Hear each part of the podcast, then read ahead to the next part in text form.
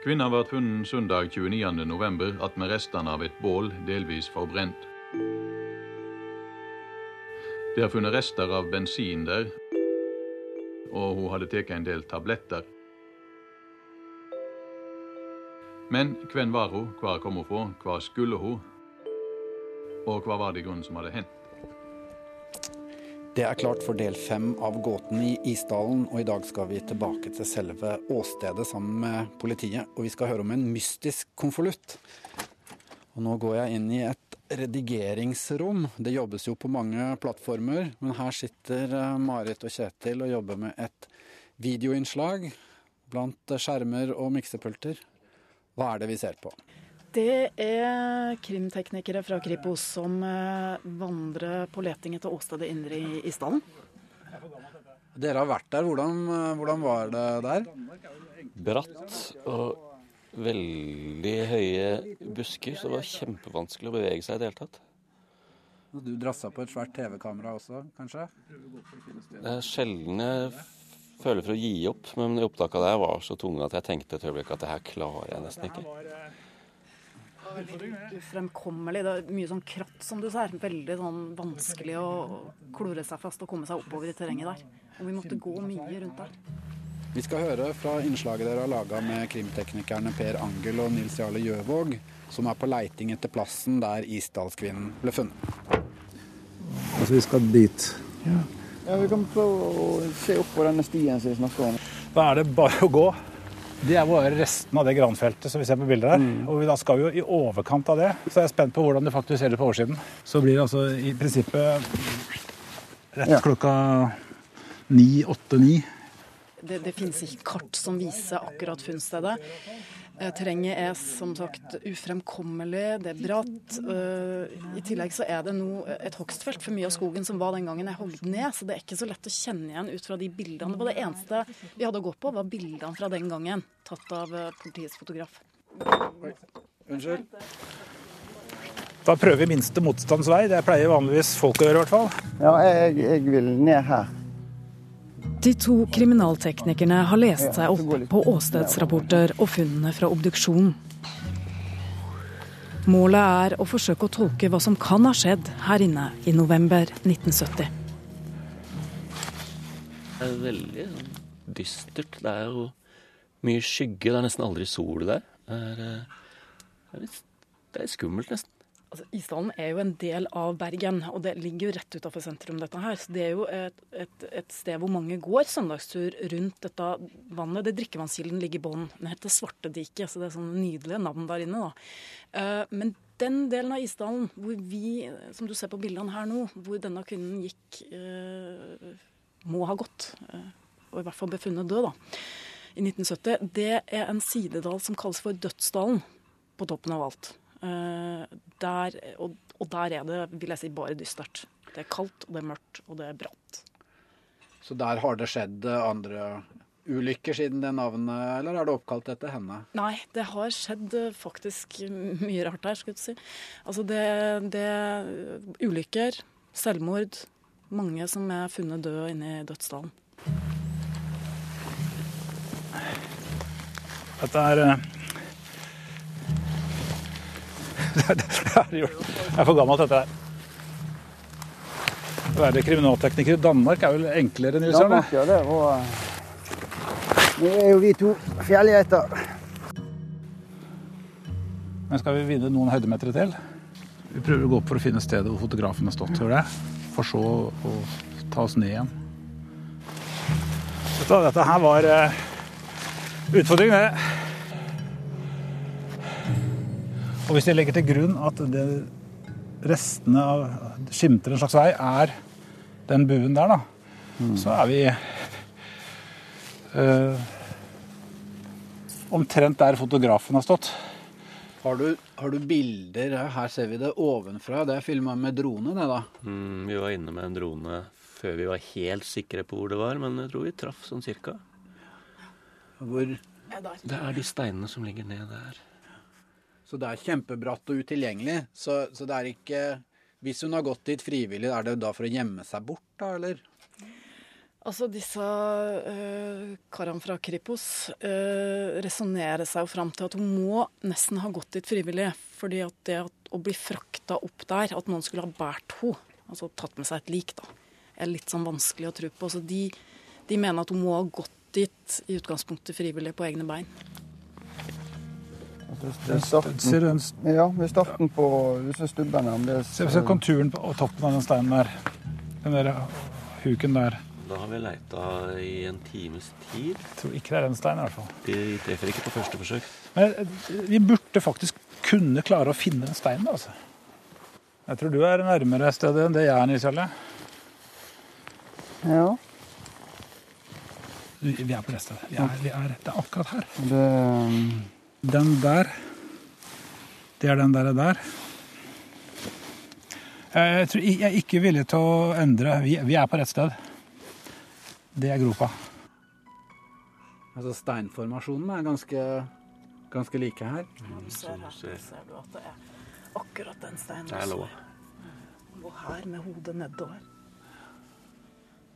Det ble spesielt, og det ble det for politifolkene nå, det ble spesielt å stå der eh, ved den, akkurat den steingropa. Her lå hun den gangen. Det er litt eh, rart å tenke. Jeg husker ikke riktig hvor gammel du er, men 1970 da var jeg ti år. Ja, jeg var står jeg her nå 6-47 år etterpå og, og, og er tilbake igjen på en, en veldig spesiell sak. Jeg må jo si at jeg var jo ikke helt eh, sikker på at vi kom til å finne eh, det så lett som dette her. Sånn, sånn jeg husker og sånn jeg har lest, forsvant jo sporene på jernbanestasjonen. Og det er jo et stykke herifra. Det er jo litt rart å tenke på at der lå det en forbrent kvinne for eh, 46 år siden. Og ingen aner fremdeles hva som har skjedd. Det er jo et mysterium. Det er det jo, Altså, for meg, det, det var litt sånn Litt emosjonelt, da, denne gangen når vi ja, sto der ved den gropa og visste at her var det. Ja, og, og det er absolutt mulig å gå hit ut, men det er også mulig å bli, eller kjøre eller bli kjørt. Så gangavstanden fra bilvei den er jo ikke lang. Nei. Snakker om bare noen få hundre meter. Og det er nok ikke så langt bort til stien. Hele stedet bærer jo preg av at det er ikke noe tvil om at hun har gått hit selv, tror jeg Nei. vi må kunne si. Er det et sted eh, en person kunne dratt til uten å ha en god grunn for det, tenker du? Nei, jeg ser ikke noe, ser ikke noen grunn til å havne opp akkurat der hvis man ikke har eh, bestemt seg for det. Det er, ikke noe, det er heller ikke noen naturlig plass. og hvis du skulle, hvis du skulle gjemme et lik, f.eks., så er det veldig usannsynlig å dra helt inn der. Det er veldig mange andre plasser som egner seg vel så godt, som er mye mer tilgjengelige. Og det er jo det utgangspunktet er at eh, det er ikke noe tvil. Hun har pustet inn eh, røykgasser og Ja. giftige kullosgasser. Hun har en, eh, en eh, rester etter sovemedisin i blodet, og det er funnet Det Over var tolv tabletter i magesekken Ja, som ikke var oppløst. som ikke oppløst. Det som jeg reagerte når jeg leste, det er dette her at um, ørepynt og ring og klokke er tatt av og ligger liksom ved siden av. Paraplyen er med. Uh, kaker, mat, skråstrek niste. Eh, isolert sett så kan det tyde på at vedkommende er på en slags tur, utflukt, men ser man sett i lys av piller og sånne ting, så, så er det grunn til å tro at hun har spist pillene frivillig og ikke blitt eh, truet til det. Men det er klart at det er også en sånn Ja, nei, det, som det, kan ligge som en, en Ja. alternativ hypotese. da. Eh, Det er i det hele tatt uh, ingenting som tyder på at hun ikke har dratt dit uh, frivillig. Men det er et veldig rart sted, uansett. Frivillig eller ei. Det, det er liksom, hva, hva gjorde hun der? Og, og det er ingen tegn altså Det man ser på mennesker som blir angrepet av noen, da, det er jo at man prøver å verge seg. altså Typiske små blåmerker eller på underarmen eller fingrene, knokene. Og, og det er jo ikke beskrevet. Altså Ikke er det funnet noe campingutstyr, som du sier. Sant? Og heller ikke noen tegn til noe treverk, noe bål. Eh, Det eneste som er brent, eh, det er, er kvinnen.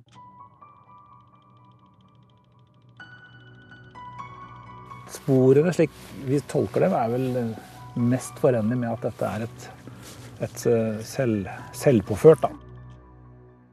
Dere har eh, også snakka med Krimjournalist eh, Nestoren, gamle sluggeren Knut Håvik, virka det som han huska saken godt? Ja, han var klar og sterk. Og han koste seg når han tenkte tilbake på den tida der. Han er jo glad i intriger, den mannen.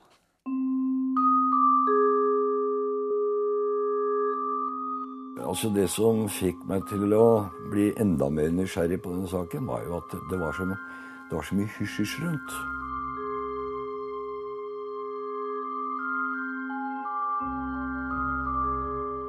Politiet ville vanligvis gå ut med, med en del informasjon for, nettopp for å få hjelp. Men i dette tilfellet, i denne saken så gjorde de ikke det. De la bare helt lokk og gikk ikke ut med noe som helst form for informasjon til å begynne med. Og det reagerte han og andre på. Og jeg liksom, det at hun hadde ni forskjellige identiteter. Hun opererte med koder, hun opererte med parykker. Hun, hun, reiste fra den ene byen til den andre og tilbake. Og, og en gang tok inn på et hotell i Bergen, og så samme dag byttet over til et annet hotell i Bergen. ikke sant? Altså hele øh, altså Politiet selv ville jo brukt øh, uttrykket hun hadde en konspiratorisk oppførsel. Det er jo det man sier i politiet. I hvert fall innenfor overvåkningspolitiet. Han hadde veldig gode kilder eh, på den tida han var krimjournalist i VG, og hadde veldig gode kilder i politiet. Han forteller jo sjøl at han hadde en, en, tilgang på politifolkene på Victoria terrasse som, som, ingen andre journalister hadde. da. Det han forteller, er at han, han, fikk beskjed av daværende politimester om å være så snill å hjelpe han med å skrive dette som heter Nordisk eh, kriminalkrønike, eh, som skulle skrives hvert år. Og da rakk ikke politimesteren og hans folk alltid å skrive dette her sjøl, så da ba de Knut Aavik om hjelp. Så også i dette tilfellet. Så da fikk han oversendt hele mappa, vær så snill å skrive kapittelet om Isdalskunden. Men, men, det som er litt rart, er jo når han forteller at han i det materialet fant en konvolutt.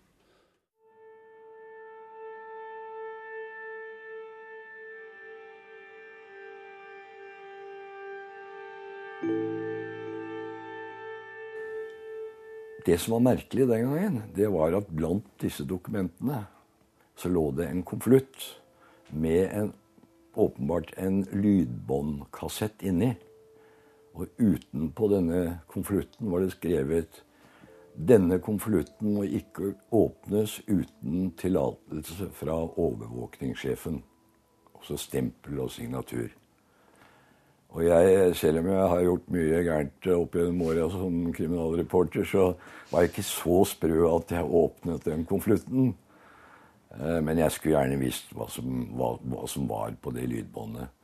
Og det rare er at jeg har jo snakket med eh, disse gutta fra Kripos, fra Mordkommisjonen og sånn etterpå.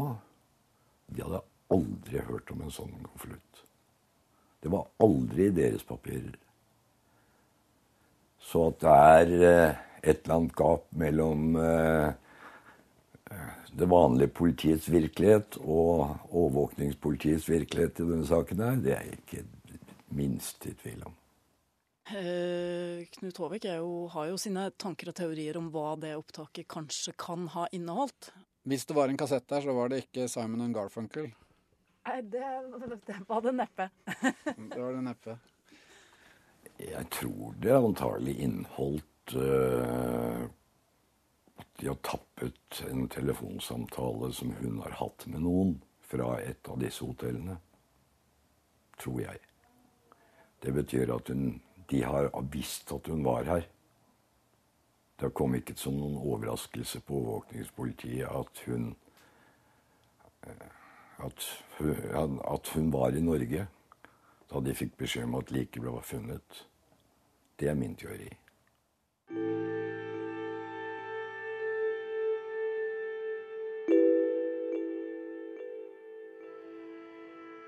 Jeg er overbevist om at det ikke var et selvmord.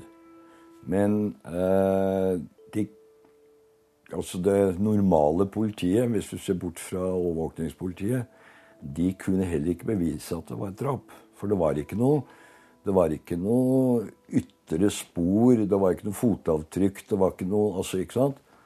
Eh, men hvis man går et skritt over til de hemmelige tjenestene, så er jo de eksperter på å begå drap som ser ut som selvmord. Altså Hvis noen skulle ønske å rydde av veien, og at det skulle eh, ikke finne spor, eller være mulig, altså se ut som et selvmord og ikke være mulig å oppklare, så har det jo i hvert fall lyktes. Det kan man jo trygt fastslå. Så jeg tror at enten var hun en KGB-agent som enten var i virksomhet eller eh, hadde hoppet av og jaget av eh, KGB. Eller så var hun en Mossad-agent. Det er jo flere ting som eh, skjer eh, videre i eh, denne krimgåten. Blant annet så skal jo tenner undersøkes av både Kripos og tannlegemiljøet. Ja, absolutt. Det er bare å følge med. Dette her har jeg sett fra Russland. Dere møtte Mari Tigraf og Kjetil Soløy. Følg Gåten i Isdalen på nrk.no. Og jeg heter Kjetil Saugestad.